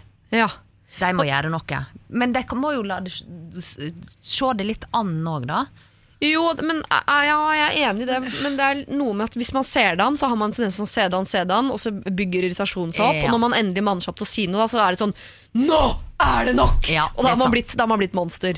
Ja, så kanskje man man skal ta tak i det nå før eh, monsteret har fått næring. At man sier fra Ja. sånn, Vi blir jo besteforeldre, så dere skal få hilse på, dere skal få bruke bassenget, men jeg gruer meg til å bli mor. Jeg vet ikke om jeg har lyst til å ha vitner til de første månedene som mor. Vi Ja. trenger litt fred og ro. Kan vi, kan vi ha en eller annen kode, et eller annet eh, flaggheisesystem som viser sånn Nå er det åpent, nå er det stengt. Altså. Ja. Men Så problemet ligger i det for besteforeldrene bor ved siden av, det det? Nei, eh, alle naboene vil gjerne bruke dette Alle bassenget. naboene vil bruke bassenget. Så skal ha uh, Kåre og Knut og Trine og Lise og hele gjengen skal bare uh, benytte seg av det Ha de anser som felles Og så står det noe om at det må være altså, det var sikkert veldig snobbete nabolag. Jeg vet ikke, de Han skriver noe sånt som at det er vanskelig i nabolaget, eller at vi Og det komme seg inn. oss inn i dette nabolaget. Det er sikkert kanskje litt sånn snobbete sted. Ja. Jeg tenker at Det er jo en uskreven regel som sier at når man nettopp har fått en baby, så lar man jo de være i fred. Ja. Uh, for da trenger man tid, og det er natt, du er jo ammetåke, og du er jo oppe hele natten, og det kan få kolikk og tjo og hei. Ja. Så da må man jo ta hensyn altså, jeg tenker at Hvis naboene driter i det og bare kommer og hopper har poolparty, liksom, mens hun, de ligger inne og ammer og Har ikke dusja på to uker, går i onepiece og arva ja, stemminga der. Da jeg fikk mitt første barn, så fikk jeg sammenbrudd hvis jeg måtte være påkledd før klokken tolv. Det var jævlig. Fikk nummer to, det var jo easy-peasy. Men å få førstemann er grusomt. Ja. For det er så mye å bli vant til. Ja, man er redd hele tiden. Ja, ja. Altså, jeg husker, jeg ville ikke ha vitner. Bare skal, dere, skal det- dere stå der og følge med på at jeg driver og, og prøver å feile meg gjennom dette morskapet? Det vil jeg helst gjøre på privaten. Ja. Nei, altså Vi har masse eh, forståelse for at eh, Ole og Karina til tross for at de har basseng, Ja, jeg dere blir jo kjempemisunnelig på det, la det være sagt. Ja. Ja, men At dere vil ha det for dere, eh, for dere selv, at dere vil ha litt, uh, litt sånn ro Privatliv. og Ja, det, privatliv. må de få til, men det må jo nabolaget skjønne. Vet Ja, du men hva, det- Hvis jeg hadde hatt en nabo med basseng ja. Jeg hadde nå ikke pakka badebagen på morgenkvisten i sommerferien min, tatt med meg termosen og Prosecco-flaska og campa hele dag. Jeg syns det er skikkelig ufint av de naboene hvis de tror at det her skal vi bygge, og her skal vi Det er ikke deres basseng. Det er naboen. Altså det er jo hun Karina og de sitt basseng. Ja. De har ingenting der å gjøre, så sant de ikke blir invitert. Men tror du ikke at altså, de Ja. som Ole og Karina har kjøpt husa, da, Per og Pål, som antakeligvis bodde der før, de har sikkert hatt veldig sånn åpen kultur på det, så alle Ja. naboungene er jo oppvokst med at bassenget til Per og Pål det er offentlig nærmest. De Ja. bare går vi og bader. Ja. Og da må man jo, da er det jo dessverre Ole og Karina som må si fra om at eh, nye folk, nye regler, nye tider. Nettopp. Og det kan føles Det er jo en kjipis beskjed å gi når Ja. hele nabolaget har gleda seg og altså, lagt den Prosecco-flaska på kjøling. Ja, det er jo akkurat det. Og så tenker jeg at jeg antar at Pål og, og Petrine, da, som bodde der før Ja, for du syns ikke det var et homofilt par som bodde der før? ja, Nei, var det et homofilt par? Nei, jeg aner ikke, jeg bare lager historier. Oh, ja. Men uh, det paret, da, som Ja, ja. Pål- Pål- Pål og Per, eller Ja. Petrine og Pia, Ja. eh, at de, de må jo ha sagt fra til naboene Vet dere, vi elsker at dere kommer. Her er bassenget alltid åpent. ja, det tipper jeg de har sagt. Jeg antar at de har sagt det, og da kan ikke naboen tenke at sånn skal det være med disse to nye òg. Det går jo Det er ikke. veldig spesielt. Nei, men det er noe med at de har rasende hvis det var jeg lurer på hvor de bor igjen. Jeg er så Jeg det. Men de har jo jatta med så langt da når naboene har sagt sånn Å, vi gleder oss til sommeren, uh, vi skal bade i bassenget. Så har de sagt sånn Ja, uh, det blir kjempestas. Så, så de har jo malt seg litt inn i et hjørne. Ja, hva de må gjøre? De får google alle lokalbassenger. Er det Frognerbadet, Tøyenbadet eller et eller annet annet sted i landet? Bare finn, finn alternativ. Si at der, der er det basseng, og der er det basseng, der kan dere gå. Vi må ha fred fordi at uh, Ja. vi skal Ja. få en liten baby. Jeg kan si Det blir en veldig spesiell sommer for oss. Det blir den første sommeren her. Mhm. Og det blir den første sommeren med en nyfødt baby. Sånn at det, det er nok ikke sikkert at det her blir åpent hus liksom hele sommeren. Tror jeg jeg ville begynt med, da. Ja. Og så si uten å være så veldig bastant sånn ikke vern om dere får komme, men mer sånn at eh, ok, dette må vi se litt an hvordan det går med oss som familie. Og så får vi nå se hvordan det blir med denne badingen i bassenget, liksom. Ja, det driter i å fylle bassenget i år, altså. Jeg tror jeg bare latt det det stå tomt. er- Ja, du, det var det beste. De Dere får ikke tid til å bade i bassenget, det er altfor kaldt for ungen. Herregud. Ja. Eller fyll sånn det ti er centimeter nederst, så kan han bare vase rundt med babyen. Så han Ja. krabber rundt i sånn ti centimeter pisslunka vann hele sommeren. Kanskje det er det beste. Ikke fyll, bare si at vi mangler noen fliser her. Ja, ja. Og så lage Det tar et halvt år å få fylt opp, så det, denne sesongen går rett. Eller kommer det sånn legionærsykdom oppi der, eller noe Ja. sånn mystisk greier. For ebola faktisk skal bade der. Det er ebola i bassenget. Det er ebolasmitte. Karine er veldig misunnelig på eh, bassenget. Eh, vi vet at dere skal inn i en litt vanskelig og tøff tid, hvor dere Ja. trenger mye ro og mye hvile, og det må naboene forstå. Så det er kanskje det er en beskjed dere må gi. Eller så kan dere jo eh, vurdere om det første året i dette huset som eh, småbarnsforeldre skal være det året hvor dere tilfeldigvis bare måtte renovere bassenget lite grann. Og så får dere eh, i hvert fall skjøvet på det problemet ett år, når dere har fått litt mer sånn hard hud som foreldre. Ja. Dette er Siri og de gode hjelperne på Radio Norge. Du hører på Radio Norge, mitt navn er Siri Kristiansen, og jeg har altså gitt mine to gode hjelpere en eh, velfortjent liten pust i bakken. Fordi eh, jeg skal fokusere på Guro Tveten og Nils Ingar Odne, som var altså mine gode hjelpere i eh, 23. og 24. mars i år. Eh, vi fikk inn et problem fra en eh, som kalte seg for Triste Sorven. Hun var lei seg fordi en venninne hun hadde hatt i 20 år, eh, nå hadde ghostet henne. Eh, Det var en periode hvor hun tatt mindre kontakt etter at hun fikk seg kjæreste. At, hun, eh, at det ble mindre kontakt mellom de Men så plutselig, litt sånn over natta etter en eh, middagsselskap, så uh, var det null kontakt. Ingen SMS, ingen telefon, ikke en svar på forsøk på kontakt osv. Syntes det var vondt å oppleve, og hun skjønte ikke helt hva dette her handlet om. Kjente på at hun var på grensen til deprimert, kjente på en uro i kroppen og brukte mye tid på å lure. Dette var to voksne damer i 40-åra, og, eh, eh, hvor hun hadde gjort altså, det hun kunne i forskjellige kanaler for å få en respons, men ikke altså, klart å oppnå det. Jeg spurte jo da Guro Tveten og Nils Ingar Rodve om de hadde noen eh, gode råd til Triste Sorven, og du skal få høre noen av dem.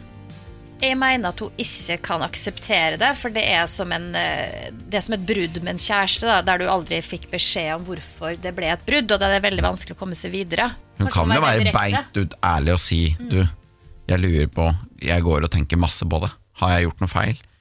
Jeg må vite det, liksom. Ja, Hun kan jo gå opp dit. Hun Skrive en SMS. En SMS. ja for kanskje hun skal Telefonen tar hun kanskje ikke, hun andre. Mm, Nei, det virker ikke som hun tar telefonen. Nei, det og det kan nok hende Jeg tipper at denne venninnen også syns det er Det er en grunn til at hun ikke på en måte har forklart det. Jeg vil ikke ha noe mer med deg å gjøre fordi, fordi. Ikke sant? Mm. Det er fordi det er ubehagelig å si nettopp hva grunnen er. Men kanskje hun skal gi henne liksom en eller annen enkel utvei, som er Skriv det på en lapp. Altså, jeg, jeg må bare vite det. Jeg respekterer at ikke du vil ha noe med meg å gjøre, men for at jeg skal komme meg videre, så må jeg vite hva jeg har gjort. Men kan kjæresten være litt av problemet her, da? Ja, Det det kan virker jo sånn. være. Ja, det- I hvert fall da det begynte. At det var begynnelsen på Kan slutten. Kan han han være en kontrollfrik som eh, bestemmer litt hvem hun skal være sammen med og ikke være sammen med. Og så syns jeg vi skal også legge til til eventuelle lyttere på 14-15 år. Mhm. Disse problemene du sliter med, de gir seg aldri. Disse er 40, så dette går til bare vare og vare og vare. Ja, du, skal gjennom mange av de. Ja, ja. Nei, det blir, går aldri over de Ja, greiene går aldri opp. Dette var altså noe av det Guro Tveten og Nils Ingar Odne mente kunne være lurt eh, at Triste Sjorven gjorde. Vil du høre hele problemet og hele løsningen, så må du laste ned podkast fra 23.-24. mars. Fått en mail fra eh, Tristesjorven, som nå underskriver med Sjorven, så allerede der er vi jo et hakk nærmere eh, suksess, for her står det. Hei, det var fint og litt sårt å høre deres betraktninger rundt mitt venneproblem. Det er jo vanskelig å belyse alle mulige forklaringer på hvorfor det har blitt som det ble. Kanskje ble kjæresten mer enn nok, kanskje jeg har sagt noe mer sårende enn jeg har forstått. Kanskje har jeg vært for ærlig, for krevende, jeg vet ikke. Jeg valgte å skrive en lengre messenger eh, på melding til min venninne. Jeg la vekt på at jeg ville respektere om hun ikke ønsket kontakt. Jeg ba på en pen måte om at hun kunne gi en forklaring, sånn at det ble lettere å eventuelt forstå og kunne gå videre. Det kom ikke svar, og hun leste meldingen samme dag. Min venninne har dumpet brutalt før, og jeg har nå innsett at jeg er utsatt for det samme. Jeg aksepterer det, men respekterer det ikke. Så nå fokuserer jeg på eh, det jeg kan gjøre eh, noe med, nemlig bygge videre på andre vennskap. Tristheten er mer som et blaff, sola skinner, våren er fin, og alt blir bra. Vennligst hilsen Sorven. Veldig bra. Legg fokuset der det eh, lønner seg, eller der du får noe ut av det. Og skulle hun en eller annen vakker dag plutselig komme krypende med en forklaring, så kan det jo hende at du vil sette pris på det. Men enn så lenge så tror jeg du gjør lurt i å bygge videre på andre vennskap. Siri og de gode hjelperne. Radio Norge. Vi skal til en, en Jens til. Vi har allerede hatt eh, et Jense-problem denne helgen, men jeg tror det dreier seg om en annen Jens, for nå er det Sofie, eh, kjæresten til Jens, som sender inn et problem. Jens og jeg har vært sammen i litt over to år og har et stadig tilbakevendende problem. Min venninnegjeng er bestevenn med min eks Trond. Trond og jeg var sammen i et halvt år før Jens, så eh, problemet er hver eneste gang Jens og jeg skal sammen med mine venninner, er Trond der etter ønske fra jentene. Trond har ikke problemer med at Jens er med, men Jens derimot syns det er ubehagelig å måtte omgås min eks hver eneste gang han skal sammen med mine venner. Så spørsmålet er om det er Jens som må føye seg, eller om det er for mye å be om at jentene tar litt hensyn her. Jeg ber bare om at det noen ganger kan være lurt å droppe å invitere Trond. Hvis dette fortsetter, er jeg redd for at eh, jeg og mine venninner ikke kan omgås så mye som før, og kommer til å skli fra hverandre. Vi er i begynnelsen av 20-årene. og Jeg har sendt en mail her for noe jeg lurte på, som hun har forklart. Eh, Nemlig at noen av jentene var venn med Trond fra før. Altså de kjente, Trond er ikke bare liksom eksen, eh, eksen til Sofie, de kjente han fra før. Eh, men det er i ettertid at de virkelig har knyttet bånd til han. Og Trond oppfører seg veldig normalt overfor Jens. Eh, mer kompisaktig enn overlegen, liksom. Eh, så Trond har ikke gjort noe gærent her. Det er bare det at eh, den nye typen, eh, Jens her, han syns det er ubehagelig. Ja, jeg skjønner det. Hvem skal man ta hensyn til her, syns du, Ingvar? Det er et eh, dilemma, ja. Det er faktisk eh, veldig vanskelig. Det er vanskelig, for det er jo ingen som har gjort noe gærent her. Men jeg skjønner at det er ubehagelig for Jens å bli påminnet om det hver eneste gang eh, de er sammen. Ja, Men vil det ikke gå over, tror du? Hvis det bare er, er det ikke litt sånn der um, Hva heter det når man bruker sånn terapi hvor man bare utsetter seg for det hele tiden?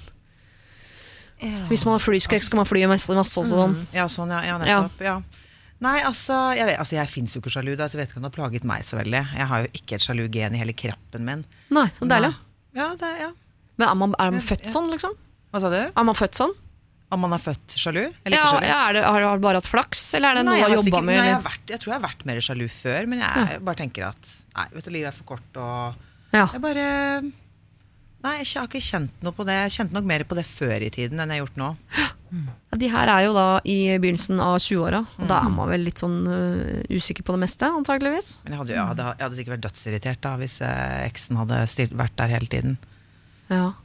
Jeg, tenk, jeg skulle ønske, fordi at jeg er vant til å være i vennegjengen med både gutter og jenter, og ha en vennegjeng hvor det er både eh, ekser og y-er og i det hele tatt i den gjengen. Men, eh, så jeg skulle ønske at dette bare gikk fint med tid. At Jens kunne skjønne at Trond, ikke er noe trussel, den fortiden har ikke noe å si, det er deg hun er sammen med nå, det er du som betyr noe. Men så kjenner jeg nå, hvis min mann, lokføreren, plutselig presenterte sånn Vi skal begynne å my henge mye sammen med Marit nå, som jeg var sammen i sin tid.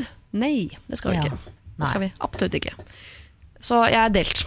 Veldig delt. Ja, Ja. nei, jeg skjønner hva du mener. Jeg er litt delt på det også. Det er ikke, Det, det er jeg ikke tenker at det kommer litt an på historien her. Sånn som Med en gang du sa det at han her Trond var en tidligere Altså han var venn med jentegjengen før disse to kom sammen. Det er en sånn nyanse som gjør at jeg ombestemmer meg med en gang. Fordi da har jo han vært en del av den vennegjengen før de to kom sammen. Ja. Og så blir det slutt. Uh, og så møter hun han her nye Jens, da. Eh, for hvis de ikke hadde vært venner tidligere, så hadde jeg tenkt at ta noe hensyn til Jens her. Ja. Fordi at eh, Trond er kun eksen. Eh, Ja. Men dette er jo òg da en venn av dem fra tidligere av, og da stiller ting seg helt annerledes for meg, da. Ja, For da, jeg vet ikke om man kan si Jeg syns dere må slutte å være venn med vennen deres, ja, fordi min kjæreste syns det er vanskelig. Nei, si Det det. vet jeg ikke om man kan be om. Nei, Jeg skjønner jo det Jens. går ikke. Jeg skjønner at det er vanskelig hver gang de er sammen. Jeg ser jo det nå. Men er det noe venninnegjengen til Sofie skal rydde opp i? Den usikkerheten til Jens, eller er det noe Jens og Sofie må jobbe med på kammerset? Jeg tenker Jens og Sofie må jobbe med det. Jeg tenker at i og med at Trond er eh, venn fra før, så er ikke dette noe venninnegjengen eh, trenger å ta seg av. Men jeg tenker at kanskje Sofie kanskje kan snakke litt med deg og si akkurat det. Dette er jo egentlig ikke noe trøblete, men jeg vil at dere skal vite at Jens innimellom syns det er litt ubehagelig at han alltid er der. Og Ja. så får de da kjenne på ok, skal vi kanskje gjøre noe en gang uten Trond er med, men da kommer jo de litt sånn på ok, Trond Ja, da må Jens hvis jeg- levere, ass. Ja. Eller sånn, ja, nå har Ja. vi droppa en venn her for at du Ja, det, det Skal ha det liksom behagelig. Venn, Veldig, det går ikke an, det. Nei. Uh, men uh, men uh, han Jens, altså ja Nei, jeg er sikker på at han Jens Han hadde sikkert ikke hatt noe trøbbel med dette hvis det var veldig lenge siden Trond og Sofie hadde vært sammen. Men det er jo ganske ferskt. Hvor lenge var de sammen? Var det et år eller sånn da? Ja, de var sammen ja, Det sto ikke hvor lenge de var sammen, men det var slutt da et halvt år før Sofie Ja, ble og sammen det er igjen. så tidlig, vet du. Ja, det er litt uh, nytt. Ja. Jeg tenker at det må jobbes på begge kanter. Ja, da. Jeg tenker Ja. at selvfølgelig Jens og Sofie må jobbe med det på kammerset. Mm. Og så tenker jeg også at jent, jentene kan også være litt behjelpelige på den andre siden. Og det er klart Vi skal ikke ditche Trond, som er en god gammel venn, men de kan jo også treng, trenger han å være med hver eneste gang? Kan han ikke holde seg unna et par ganger? Ja? Må, han, må han liksom sitte oppå dem hele tiden? Mm. Jeg, jeg tror ikke Ja, men hvilke selv, anledninger skal de droppe da? Jeg tenker sånn, Hvis dere vil ha noen sånne vennskapsanledninger hvor uh, Jens ikke er der, så må jo Sofie invitere, da. For hun har jo makt til å invitere de hun vil. Ja. Hun, kan, hun kan jo droppe å invitere eksen. Ja. Men hun kan jo ikke dra hjem til venninnene sine og si sånn Kan dere droppe han i dag? Vi, vi har lyst på liksom, pause i dag, vi. Lyst på en liten Nei, sånn timeout si. fra tronen, liksom. ja, det går ikke an å Nei. si. Nei, det tror jeg ikke går an å si. Nei, det går ikke an å si, men vet du kan hva, ha det var forståelse for det. faktisk veldig, egentlig et veldig godt tips, tenker jeg. At det, ok, når Jens syns det er såpass ubehagelig, Mm. så kan det hende at eh, Sofie eh, noen ganger takker nei til invitasjon til den jentegjengen hvor Trond alltid er. Og Mm. så kan hun heller ta initiativ til å invitere til noen sånne gatherings sjøl, da, og da kutter hun ut Trond, for han Ja. er eksen. Men da må hun kutte ut og invitere venninnen, da, for han er jo sammen med venninnen. Nei, de er ikke? sammen. Nei, nei, er nei, nei, nei. Å, jeg trodde de var sammen, jeg. Nei. Nei, de er ikke de, Men de er bare bare venner. Trond har bare blitt en del av venninnegjengen, han. Å, jeg trodde at en, av- en av de andre venninnene var blitt sammen med Trond, jeg. Nei, da Nei, burde jo nei, Jens nei, i er hvert fall ikke ha problemer problem med dette. Fordi, ok, ja, men, eh, nei, men da er jeg enig. Da trenger jo ikke ha Da er det Ja. Enkel sak, da, at hun bare inviterer noen, ikke inviterer han. Men jeg syns ikke hun skal slutte å være sammen med venninnen sin. Jeg bare tenker Hvis jeg hadde vært eh, Jens og tenkt sånn Ja, ok, da drar du på fest med venninnen din og eksen, da. Jeg blir ikke med. For jeg er så sjalu, så jeg bare sitter her hjemme og overlater den kontrollen til Jeg hadde jo blitt med. Ja, Ja, det er du klart det. gal? Det er klart han blir med. Men jeg tenker en periode nå til det, til det tar så litt tid, i og med at det er såpass ferskt. Det må bare, at det, kanskje de bare trenger litt tid, tid. Er det ikke sånn tiden heler alle sår? Er det ikke noe sånn Hun sier det. Jo.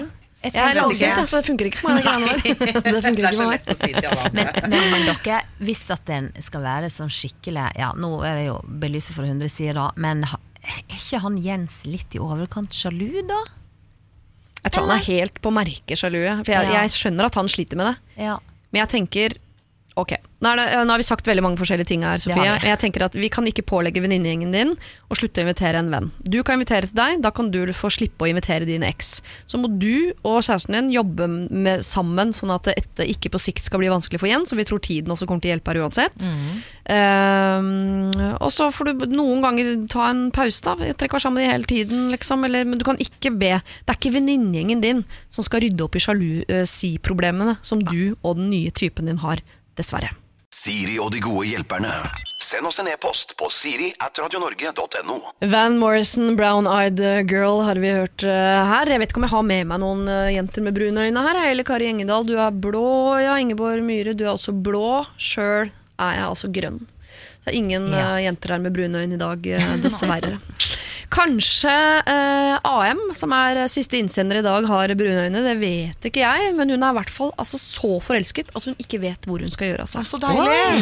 Oi, oi, oi, dette Jeg trodde jeg var for gammel til å bli så tøvete forelska, men jeg er altså som en 14-åring. Og tro meg, jeg er ikke 14.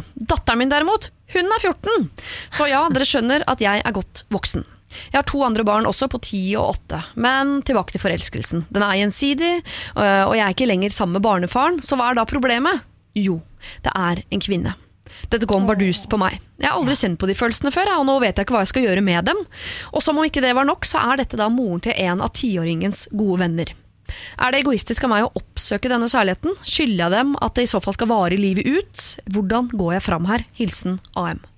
Å, kjære AM. Kjempeforelsket, og så føler du ikke at hun kan Jeg tror ikke hun er så redd for verden, men jeg tror hun er redd for hva barna skal si. For det blir eh, nytt og rart for dem.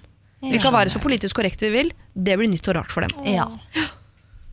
Hvordan går man fram? Ja, den føler jeg. Den er, den er litt sår inni hjertet. Altså, for det er jo helt fantastisk at hun har funnet kjærligheten. Det er jo ingenting som er bedre. At hun sier det er gjensidig. Ja, ja. Hun er en voksen dame, hun er så forelsket hun ikke vet hva hun skal gjøre av seg. Det er jo Ja. verdens beste følelse. Ja. Så det er jo bare å unne og beundre henne for. Men eh, akkurat det med mor til, eh, til barnet, nei, altså til bestevennen til tiåringen, den er litt kinkig. Jeg forsto ikke det. Mor til bestevennen sin tiåring. Hva, hva var det? Nei, altså, eh, AM sin datter har en eh, venn Ja, eh, som har en mor, ja. som nå er i forhold med sin mor. Forstår du? Nei. Nei. Det er som om eh, dere to skulle blitt kjærester, da. Og så er jo barna deres venner. Det syns jo de er litt rart. Så de, så, ja, så de to er Ok, så det er rett og slett tiåringen sin mor som er da kjæresten med hun her eh, Ja. eh, vi snakker om. Ok, da skjønner jeg. Mm. Ja. ja, hvordan skal de fortelle det til ungene, ja? Nei, men de må, hun må jo bare oi. fortelle det. Ja. Hun må Ja. fortelle det. Ja, for på et eller annet tidspunkt så må jo barn bringes inn i den verden vi lever i, og det er vi, og vi er jo stadig nærmere en verden hvor alle aksepterer det som skal aksepteres, Ja. Mm. og forstår det som skal forstås. Ja, jeg tror, vet du hva jeg tror? At hun skal ikke være så veldig redd for det. fordi at ungene er veldig åpne for mye rart, og veldig sånn tilpasnings, tilpasningsdyktige. Ja. Og jeg tror at hvis de ser at disse to damene eh, er veldig glad i hverandre og, og kjempeforelska, så tror jeg det at, eh, at de vil tenke at det er bare kjempefint. De. Ja. Så jeg, jeg tenker at eh, hun skal ikke være så veldig redd for å, for å si det, men det må jo planlegges godt og sånn, i og med at den tiåringen er venn med hennes eh, tiåring, eller hva det var. Ja.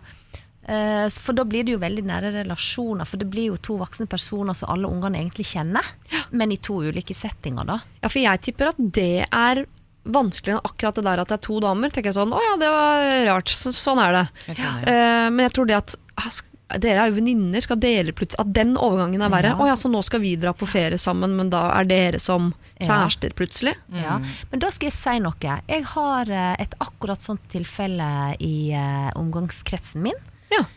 Det gikk bra. Hun hadde tre barn, og det alle kjente alle. Og, ehm, eh, og plutselig så kom da mammaen til, til en venn av min sønn, da, sammen da med tanta til en annen eh, Ja. i, i vennegjengen. Og de syntes det var kjempekoselig. Og vet du, hun her jenta var på besøk hos meg og Nikken når hun fortalte det. Og hun sa det på en sånn fantastisk fin måte. Ja, de er jo kjærester og kjempeglade i hverandre, og nå skal de gifte seg. Ja. Og alt går bra. Så jeg tror det at en skal på en måte senke garden litt i forhold til det med ungene. For det, det kan godt hende at når de ser så glad og fornøyde de er, så må vi huske på at det, eh, unger på den alderen nå til dags, de går jo i klasse med masse andre unger, og det er så mange forskjellige foreldrekonspirasjoner med, med to pappa, to mamma, ene skilte, ene forsørgere. Altså det er jo alt mulig rart. Noen Ja. bor med besteforeldre. Så jeg tror det at eh, verden har gått videre på mange måter. Ja. Ja, man skal ikke undervurdere barn, altså. Nei. De, jeg tror Her kommer det bare an på hvordan man pakker det inn. Ja. Men hvordan skal de pakke det inn da? For da tenker jeg Det kan være litt viktig at man pakker det inn med, altså, med glanspapir. At man Ja.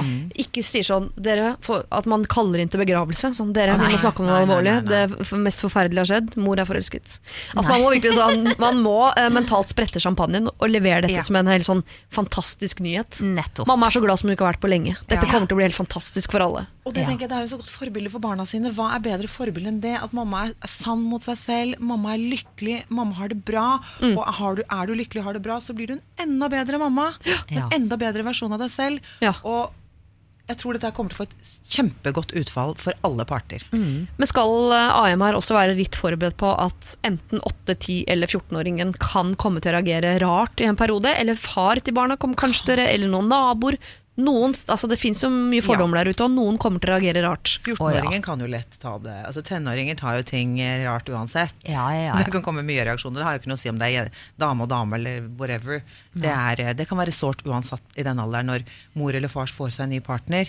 Så det må være forberedt på, men du må stå i det. For ingenting er bedre forbilde, ingenting er bedre enn å være ekte og sann mot seg selv, tenker jeg. Og da, da det kommer til å gå bra til slutt, men hun må være ærlig med barna sine.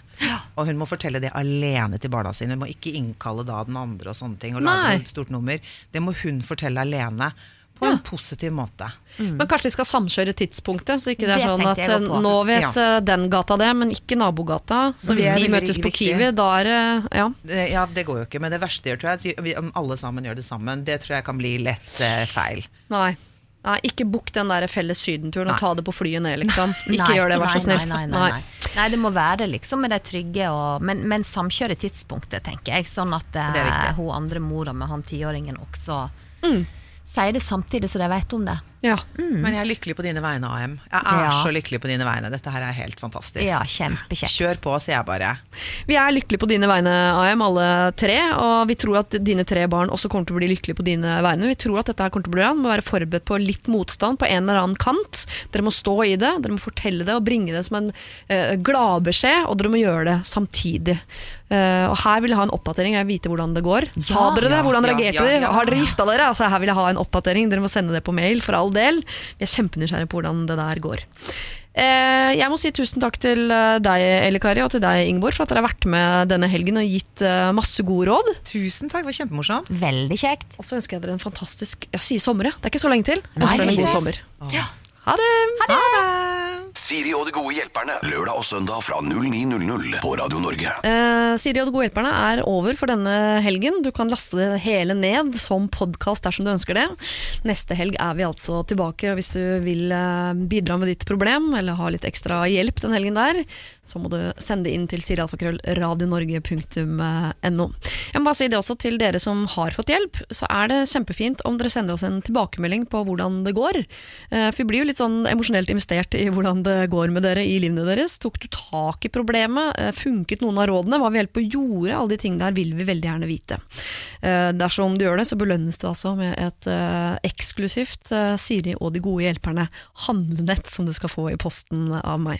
Det er samme mailadresse du altså bruker, som jo er, som jeg sier så ofte, sirialfakrøllradionorge.no. Dette er Siri og de gode hjelperne på Radio Norge.